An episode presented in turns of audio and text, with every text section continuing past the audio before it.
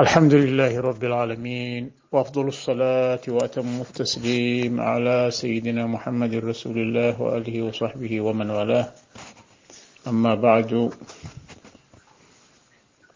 نواصل في قراءة ومذاكرة كتاب مناهج الإتقان إلى تحقيق مقاصد الإحسان. الحلقة رقم 13 العنوان الباب الثالث حقيقة توحيد الأكابر وطريق الوصول إليه. تقديم ومذاكرة محمد كرم يوسف معروف. قال الشيخ حفظه الله. إن التوحيد هو أساس هذا الطريق كما أنه هو أساس الدين كله. قال الله تعالى ألف لام ميم. ذلك الكتاب لا ريب فيه هدى للمتقين الذين يؤمنون بالغيب ويقيمون الصلاة ومما رزقناهم ينفقون والذين يؤمنون بما أنزل إليك وما أنزل من قبلك وبالآخرة هم يوقنون. أولئك على هدى من ربهم وأولئك هم المفلحون. وقال وإلهكم إله واحد لا إله إلا هو الرحمن الرحيم.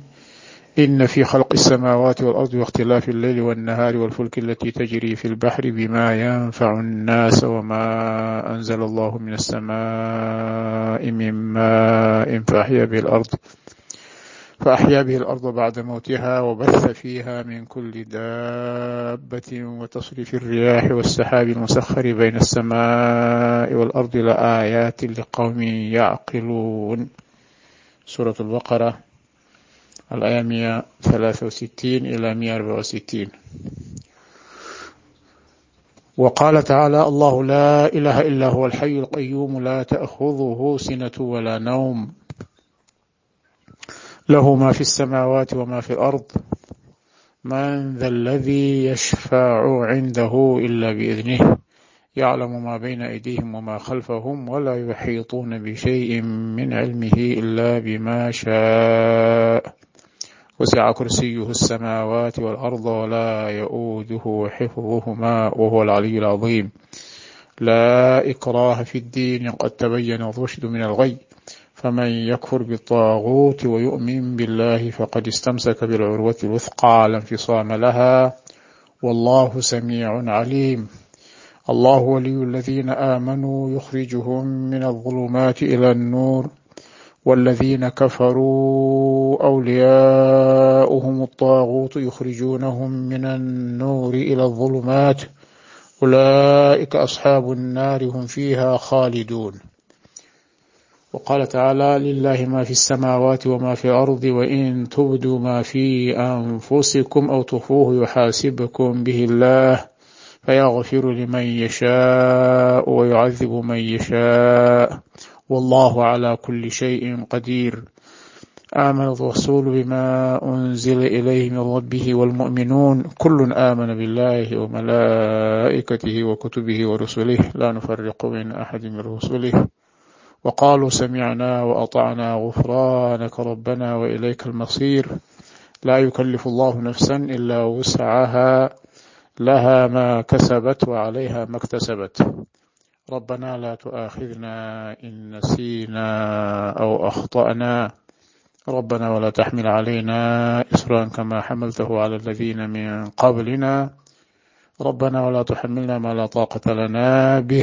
واعف عنا واغفر لنا وارحمنا. أنت مولانا فانصرنا على القوم الكافرين. سورة البقرة. الآية 284 إلى 286 ثم يضاف إلى ذلك معطيات التوحيد في سورة الإخلاص. قل هو الله أحد الله الصمد لم يلد ولم يولد ولم يكن له كفوا أحد. وقال تعالى ليس كمثله شيء وهو السميع البصير. سورة الشورى على 11 وقال تعالى شهد الله أنه لا إله إلا هو والملائكة وأولو العلم قائما بالقسط. لا إله إلا هو العزيز الحكيم.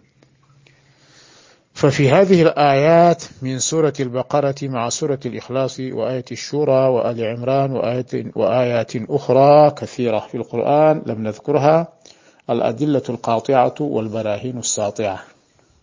يعني ثابتة بهذه الآيات التي أوردها الشيخ رضي الله عنه واختارها.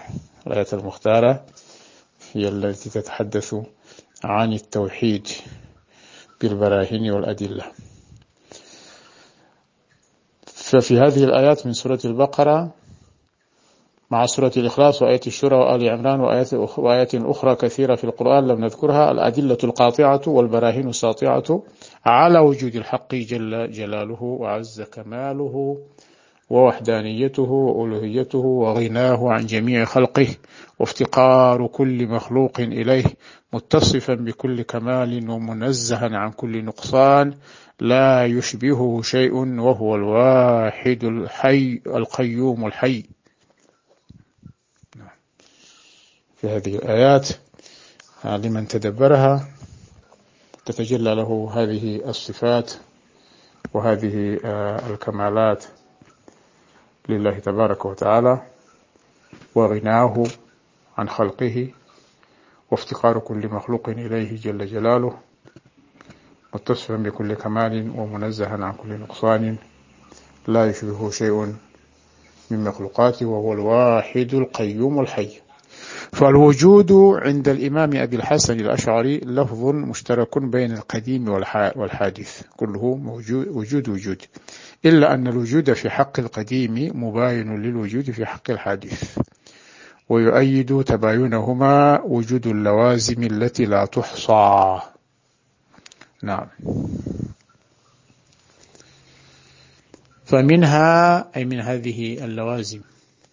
أن وجوده تعالى أزلي أبدي لا ابتداء له ولا انتهاء ووجود غيره مسبوق بالعدم ويلحقه العدم ولقوله تعالى هو الأول والآخر والظاهر والباطن وهو بكل شيء عليم سورة الحديد.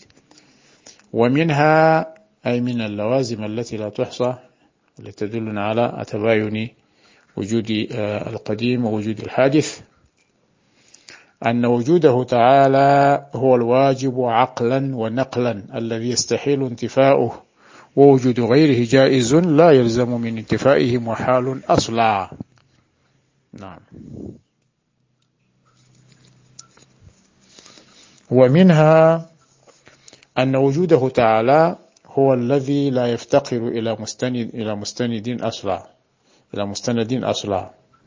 ووجود غيره مستند إلى قدرته تعالى وإرادته ابتداء وإرادته إلى قدرته وإرادته ابتداء وكذا دواما على الصحيح. فلولا فلولا إنعامه على المكونات بإيجادها لم توجد. لولا إنعام الله عز وجل على هذه المكونات بإيجادها لو لم يتفضل بإيجادنا لم نوجد ولم توجد هذه الكائنات. ولولا إنعامه عليها بإمدادها في كل لحظة لاضمحل وجودها لأنها تقبل العدم. قال في الحكم نعمتان ما خلا موجود عنهما ولا بد لكل مكون منهما مكون ولا بد لكل مكون منهما نعمة الإيجاد ونعمة الإمداد. أنعم عليك أولا بالإيجاد وثانيا بتوالي الإمداد. وعلى هذا المعنى أعني كون الأشياء مسبوقة بالعدم ويلحقها العدم ويجوز عليها في كل لحظة من أزمنة وجودها العدم وتحتاج مع ذلك إلى التدعيم بقدرة باريها هو الذي ينبغي أن تحمل عليه آية كل شيء هالك إلا وجهه. سورة القصص. أي هالك هلاكا مستمرا في جميع الأزمنة حقيقة قبل وجوده وبعد فنائه وحكما حال وجوده. حتى حال وجوده محكوم عليه بالزوال. وحكما حال وجوده. وشيء على هذا شامل لكل مخلوق. وهو الذي ينبغي أيضا أن يحمل عليه حديثه. أصدق كلمة قالها الشاعر كلمة لبيد. ألا كل شيء ما خلا الله باطل أي باطل على سبيل الاستمرار في الأزمنة الثلاثة. يعني اللي هي في الماضي والحال والمستقبل. كما قرر أهل المعرفة في الآية وإلى هذا المعنى يشير قول القائل الله قل وذر الوجود وما حوى إن كنت مرتادا بلغ كماله. فالكل دون الله إن حققته عدم على التفصيل والإجمال. واعلم بأنك والعوالم كلها لولاه في محو وفي ضمحلال من لا وجود لذاته من ذاته فوجوده لولاه عين محال. فالعارفون فنوا بأن لم يشهدوا شيئا سوى المتكبر المتعالي ورأوا سواه على الحقيقة هالكا في الحال والماضي والاستقبال. فالمح بطرفك أو بعقلك هل ترى شيئا سوى فعل من الأفعال؟ انظر إلى أعلى الوجود وسفله نظرا تؤيده بالاستدلال تجد الجميع يشير نحو جلاله بلسان حال أو لسان مقال. هو ممسك الأشياء جل جلاله. هو ممسك الأشياء من علو إلى سفل ومبدعها بغير مثال.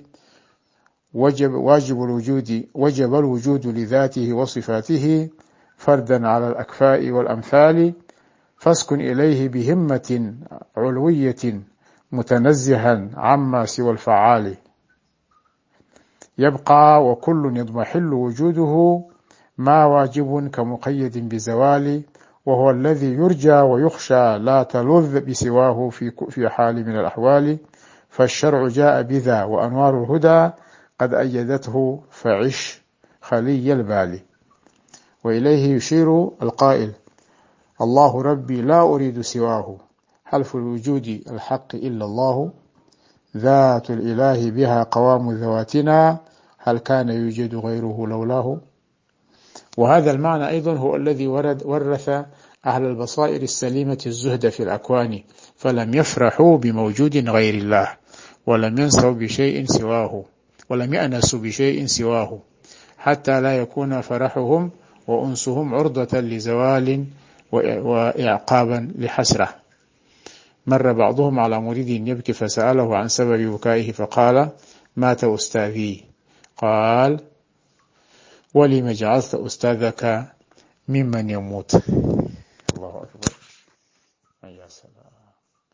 إذا هذه آه هي آه الحقائق